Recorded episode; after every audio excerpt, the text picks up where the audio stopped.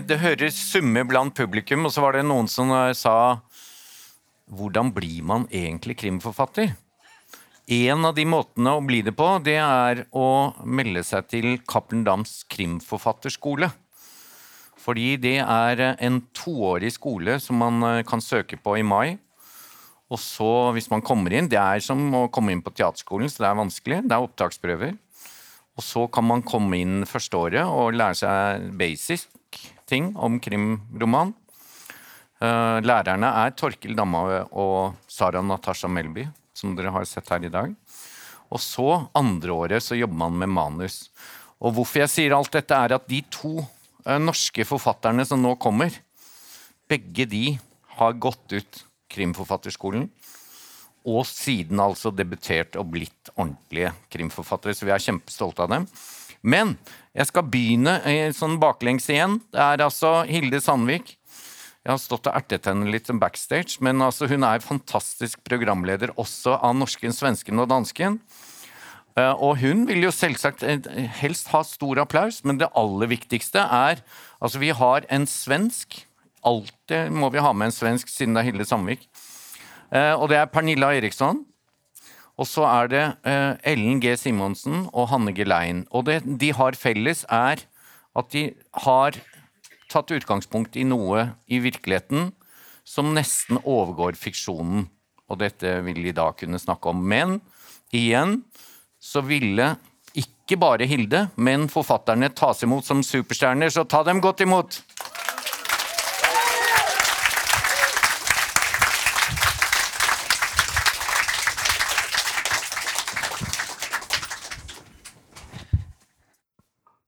Tusen takk, Knut. Jeg vet jo at du vet at jeg tåler ikke å bli fornærma og krenka, så nå blir det en voldsom hevn. Ja. Eh, det er stas å sitte her med dere tre, eh, som alle har skrevet krim som har altså, Sånn er det Det kommer opp folk her som er kritikerrost, eh, som selger stort, og som nå signerer så mye, Pernilla, at du har vondt i hånden. Men det som vi skal gjøre akkurat nå, er at istedenfor å dykke veldig ned i eh, historiene i bøkene, så skal vi dykke ned i de historiene som førte til romanene. Eh, for det er et kjennetegn på samtlige av deres siste romaner, men òg tidligere. Og jeg har lyst til å begynne med deg, eh, Pernilla, fordi du har skrevet flere bøker i serien Erla-gruppen. Mm. Eh, og de aller første de handla mest om ja, likestilling, eh, spørsmål og, eh, og, og, kjønn. Og nå er du over i klimakampen. Men jeg har lyst til å begynne litt med de første bøkene, rett og slett. Fordi det var et veldig konkret eh, oppstart til iallfall den ene karakteren din. Eh, Eh, um, og, du tenker på bok tre? Ja, altså, mm. da tenker jeg på da tenker jeg på hacker, eh, hackerboken. Mm. Mm. For der hadde du en venn som mm. hadde opplevd noe ganske heftig. Og ja. nå, skal, nå, er det historier som overgår krimmen vi skal snakke om. Precis. Och när det handlar om Erla-gruppen så faktum är att jag skulle skriva en helt annan deckare. Men för min, alltså Erla-gruppen är ett utredningsteam och i den så finns en, en hacker Eh, och eh, research till den gjorde jag med en, eh, en kvinna som heter Paula Manrike som är mycket av en så data och tech-expert och sådär. Och när jag intervjuar henne så börjar hon berätta om det hon gick igenom när hon först klev in i dataspelsvärlden och började skriva om spel och sådär. Det togs inte väl emot att hon som ung kvinna vågade sig in i gamervärlden. Hun Hon blev gravt eh, trakasserad. De eh, skickade hem döda djur till henne. De målade med bajs på hennes dörr. Og til och eh, till slut så eh, tog de privata bilder på henne. Och sen så reggade de på en kontaktsida för eh, en sexkontaktsida Eh, en profil för henne där de började ragga på främmande män och säga jag har eh, våldtäktsfantasier, jag vill leva ut dem, jag bor här, kom hem till mig, gå rätt in till mig. Jag kommer att spela rädd, jag kommer att spela som att jag inte vill, men det vill jag. Eh, kom in och uppfyll mina våldtäktsfantasier. Och det kommer mycket riktigt hem en, en man till henne som tror att han är där för att uppfylla hennes fantasier. För det är det de har chattat om, tror han. Eh, och hennes dörr står öppen, hon jobbar hemifrån och hon måste då försvara sig eh, och få honom att fatta det är inte mig du har pratat med. Eh, och när hon berättar det där så... ehm, alltså, otroligt chockerande berättelse. Men då liksom slängde jag manuset jag höll på med och sen så började jag skriva då fällen. Hvor tett er den på virkeligheten? Eh, det, I Sverige heter det När du vänder dig om. Ja. Og hvor tett, hvor nær er den eh, Ja, det hade utspelat sig då eh, fyra, fem år innan. ja. Ehm, och det var polisanmält och även den där mannen, för att det är ju dubbelt djävulskt det här. För det gör ju även mannen till en ofrivillig förövare. Man kan tycka vad man vill om att någon kommer hem till någon för att, upptäcka, eh, för att uppfylla en våldtäktsfantasi. Men då är det åtminstone med en form av samtycke. Men, så att, men han blev då en slags ofil, ofrivillig eh, förövare, en bricka i det här spelet då för att, eh, ja, vad de nu skulle göra, trycka till henne. Og når du da skal skrive denne krimmen, eh, begynner du å dikte rundt det, eller blir du veldig låst på den historien som din venn har fortalt deg?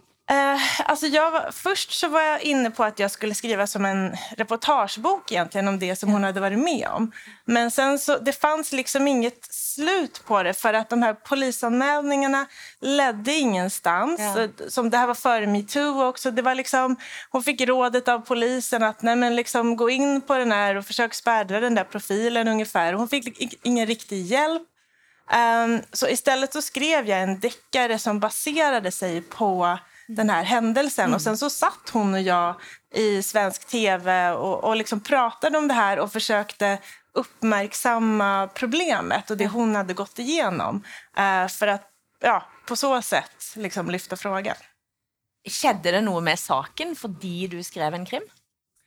Eh, ja, jag, alltså kanske att folk blev lite mer medvetna om att man måste kolla ett varv till vad gäller samtycke i sina olika sexforum och så. Men faktum är att det var inte alls länge sedan som jag läste att en ung kvinnlig svensk politiker hade råkat ut för exakt samma sak. Ja. Så att eh, den här djävulska metoden att liksom trycka till någon verkar fortfarande användas. Så att, eh, ja. Og vi skal snakke om flere virkelighetsbilder som du Ja. har tatt inn i din, eh, dine romaner. Men Hanne Gelein, Ja. eh, eh, du, eh, da du kom ut, og dere har begge to gått på skriveskole hos eh, Cappelen og kjenner hverandre derfra. Eh, og noe av det som var spennende da du kom ut med din første krim, var at det var jo ingen andre trønderforfattere Ja, du har jo masse trønderforfattere, men krim Anne B. Ragde, men det er krimmen. Altså det å tr Trondheimskrim, eh, det har det ikke vært så mye av. Nei, og det er egentlig ganske merkelig. Jeg mener jo at Trondheim er den perfekte krimby. Ja. Vi har eh, Det er ganske mørkt eh, store deler av året. Det er alltid kaldt, og det er alltid vind, og det er alltid regn. Så den perfekte scene for at det skal skje ganske fæle ting. Da.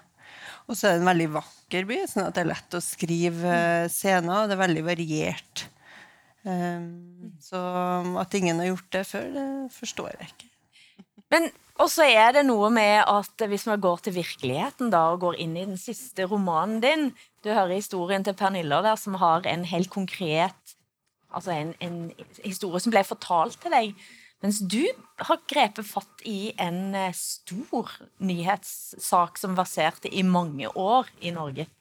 Ja, en eh, veldig stor og veldig vond sak som det har vært stille om i mange år. Og det var litt av det som fascinerte meg òg, for i 40 år så har liksom hele Norge har lagt litt lokk på den eh, historien Vi skal si hva historie det er. Det er historien Arnfinn Nesse. om Arnfinn Ja. Nesse. Ja. Eh, og det skje, skjedde jo også i en liten plass i eh, Trøndelag, Orkdal, rett utenfor eh, Trondheim. Eh, I bygd som kanskje mange år bare litt preg og had, har fortsatt dype sår. eh, etter at det her eh, skjedde. Og for at svensken òg skal bli inkludert i å forstå hva historie dette er, så er det altså en sykepleier som blir bestyrer. Ja. Uh, Arnfinn Nesset var en uh, veldig spesiell uh, mann. Han var sykepleier. Han har jobba seg opp og blitt bestyrer, da. Kristen. Mm. deltok mye i frivillighetsarbeid i Frelsesarmeen. Var en ganske Hadde bra rykte. Var en god sykepleierleder. og så begynner personalet å forstå at det er noe som ikke stemmer, men de klarer ikke helt å sette fingeren på hva er det for noe. For det en gjorde, eh, var å injisere kurasitt på eldre, forsvarsløse mennesker. Og det gjorde han åpenlyst. Han kunne gjøre det. På den tida var det tomannsrom, så de mm. kunne stelle en pasient, og så kom han og skulle hjelpe til med den andre, og så injiserte han et eh, altså kurasitt. da, som er gift, eller som er Det er et gift. Og det, har, og eh, det har ingenting på et sykehjem å gjøre, og det har ingenting på å bli injisert i pasienter å gjøre. Mm. Han eh, tilsto umiddelbart drap. Mm. En tilståelse som han trakk tilbake. da. Men han ble dømt for til slutt 21 drap, og så spekuleres det i om at det er ganske mange flere. da. Jeg møtte Krist Fett her nå eh, før, før vi gikk opp her. Krist Fett, som er krimforfatter, men òg advokat. Som fortalte at han mm. jobba på en sak eh, med Kripos-folk som kom rett fra Trondheim mm -hmm. til den nye saken som hadde sagt. Og dette fikk jeg, jeg spurte får jeg lov til å si dette. Det er sikkert 100 til ja, men det har jeg jo hørt. Jeg har gjort en del research, snakka med både politi og, og for, Jeg har lest uh, rettsdokumenter, jeg har lest den rettspsykiatriske vurderinga av uh, Arnfinn Nesse. Og jeg vil nok, uh, og basert på de bevisene, for det var det som var så vanskelig, det var ingen bevis. Det mm. var vitner, og så var det det at han hadde bestilt kurasitt. Mm. Men kurasitt, det er et altså det, et virkestoff har kort halveringstid. Da. Jeg er mm. sykepleier, så beklager at jeg bruker litt sånn uh, fagtermer. Det er helt topp. Men det forsvinner raskt ut av blodet. Sånn at det vil ikke Kort tid etterpå så vil det ikke påvises. Mm. Og også det her var eldre, syke pasienter. Det, ikke, det, er ikke noe merkelig at pasienter på sykehjem dør. Mm. Dessverre, da. Mm. Men det ble et stort antall. Og det ble veldig mange og litt overraskende dødsfall. Har det kommet fram noe motiv hvorfor han gjorde det? Han er jo blitt kalt gåten. Arnfinn Nesset. Det er ingen som kan forklare uh, uh, hvorfor. Etter at han tilsto, så sa han at det var barmhjertighet. At han mm. ønska å hjelpe dem over kneika. Han ville hjelpe dem hjem til Gud. Mm. Han, for han elska dem. Men problemet er at da hadde du injisert noe annet enn kurasitt. Mm. Da hadde du injisert morfin, som gir en deilig rus, eller altså et eller annet, hva som helst annet. For kurasitt, det lammer muskulaturen. Respirasjonsmuskulaturen vil ikke virke. Så sagt kort fortalt, da, så kveles du mens du fortsatt er bevisst. Det er En smerte, smertefull død. Da. Mm. Sånn at han sto, Da sto han og så på at de døde i de minuttene, og det er lite barmhjertighet i det. Det høres jo helt psykopatisk ut. Ja. Mm. Men, altså, men Arnfinn Nesset er jo, det er jo for, Han lever jo ennå. Han gjør det. Og han eh, flytta i 2004, så var han vel ute av fengsel. Og har flytta på hemmelig vet vet du hvor han er, og hvem det er, liksom? Jeg vet eh, hvor han bor, ja. Og han slapp ut ganske tidlig, for han slapp ut veldig god eh, pga. god oppførsel. Så han sona ti år mm. for de her eh, drapene. Da. Så han har bytta navn, og så flytta han eh, fra uh, Trøndelag. Mm. Har du møtt han? Nei, jeg har ikke det. Mm. Jeg, eh, og jeg vet ikke om jeg ville møtt ham heller, for jeg tror ikke jeg ville fått de svarene jeg vil ha. For etter han fikk han tilsto, og så fikk han en advokat fra Oslo. En eh, superbra advokat, Alf Norhus. Og fra mm. da så nekta han. Og det har han holdt på siden da, i 40 år. Og når du skal gjøre dette om til virkelighet, eh, så har jo du et rom til å eh, gi en forklaring på hvorfor han gjorde det han gjorde. Eh, hva er din forklaring?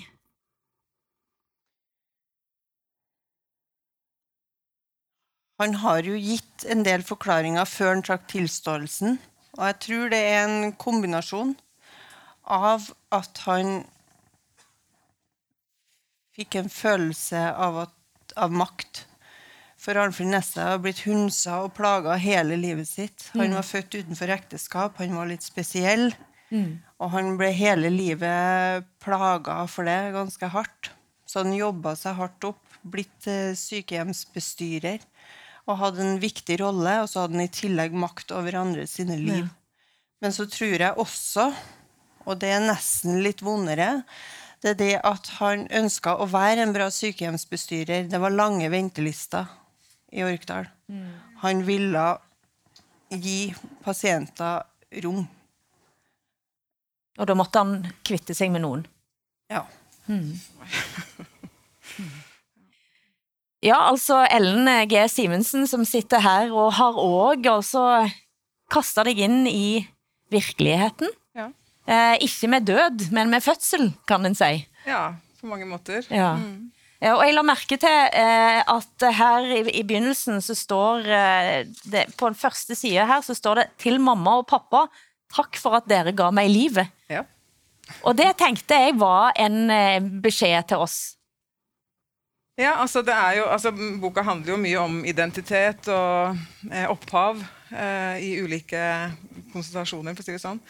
Men eh, eh, jeg blei veldig inspirert eh, i 2021, for da mm, leste jeg i mediene en som heter Øystein Tandberg, som eh, har stått fram eh, både på NRK og, TV 2 forskjellige steder, eh, og fortalte at han er eh, donorunnfanget, altså at han har en eh, eh, en biologisk far som har vært en sæddonor eh, på 80-tallet. Og eh, han eh, fant jo det ut eh, fordi han sendte inn en eh, DNA-test til eh, MyHeritage. Eh, fordi han egentlig var litt interessert i om han kanskje hadde noen finske aner. Så det var liksom noe helt annet som lå bak. Eh, og får da plutselig ti halvsøsken i fanget. Um, og det er også et antall som man har jo mer enn det i dag. Um, så han veit jo egentlig ikke hvor mange halvsøsken han har eh, totalt. Og når jeg begynte å se på den saken, da, så tenkte jeg hvordan er det mulig uh, at noen kan ha søsken som drar seg over en tiårsperiode. Eh, Jeg har gjort ganske mye research på det. Og, og eh, det er jo noen donorer som har gått fram og sagt at de har eh, vært givere da i en tiårsperiode og eh, gitt av sæd to ganger i uka på Rikshospitalet. Dette er jo ferskvare på 70-, 80-, begynnelsen av 90-tallet. da. Ja. Ehm, og når jeg snakker med folk om det her, så er det veldig få som kan noe om det. Ja. Eh, og det også har fascinert meg litt, at, for vi har jo egentlig en, eh, en historikk i Norge som går helt tilbake til 1920, hvor de begynte å eksperimentere med, med donasjon. Eh, så vi har en 100 år historikk i landet her som folk ikke kjenner så godt til. Og hvorfor ikke? Ja. Så det har vært eh, veldig mye hemmelighold. veldig mye, eh, Alt har vært anonymisert. Ja. Eh, og problemet med det nå er at nå har DNA blitt allemannseie. Eh, og det tenkte man nok ikke på den Nei, gangen. at det skulle faktisk kunne sjekkes.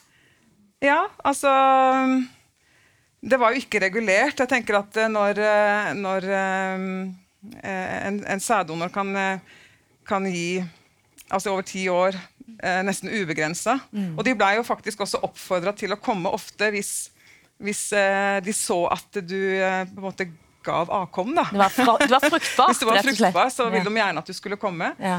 Og man blei jo også um, rekruttert fra eh, altså Legene rekrutterte fra medisinstudiene, så det var lege, ofte legestudenter som, eh, som stilte opp. Og, og selvfølgelig så ligger det jo en, en eh, et ønske om å hjelpe, og, og jeg tenker det er veldig flott at man kan få hjelp til å få barn. Eh, så det er jo ikke det på en måte som det handler om her, men, men her handler det om at sannsynligheten for å møte en halvbror eller en halvsøster som du ikke kjenner til. Fordi du veit ikke selv at du er donorunnfanget. Og så plutselig har du um, Når jeg har gjort research, så, så kan du finne materiale som sier om at det kan være så mye som 100 søsken da, Ja. for enkelte. Eh, og hva kan det føre til, da? Ja, hva, hva kan det føre til? Ja, halvsyskon som har blitt ihop eller någonting? ja altså det, Sannsynlighet for det kan skje. Ikke sant? Ah, Fordi at man ikke har noe system for altså Alt har vært så anonymisert. da. Ja. Um, ja, så klart da når, eh, når um, Øystein, som jeg nevnte innledningsvis, um, plutselig oppdager at han har masse halvsøsken, eh, så skal man håndtere det også.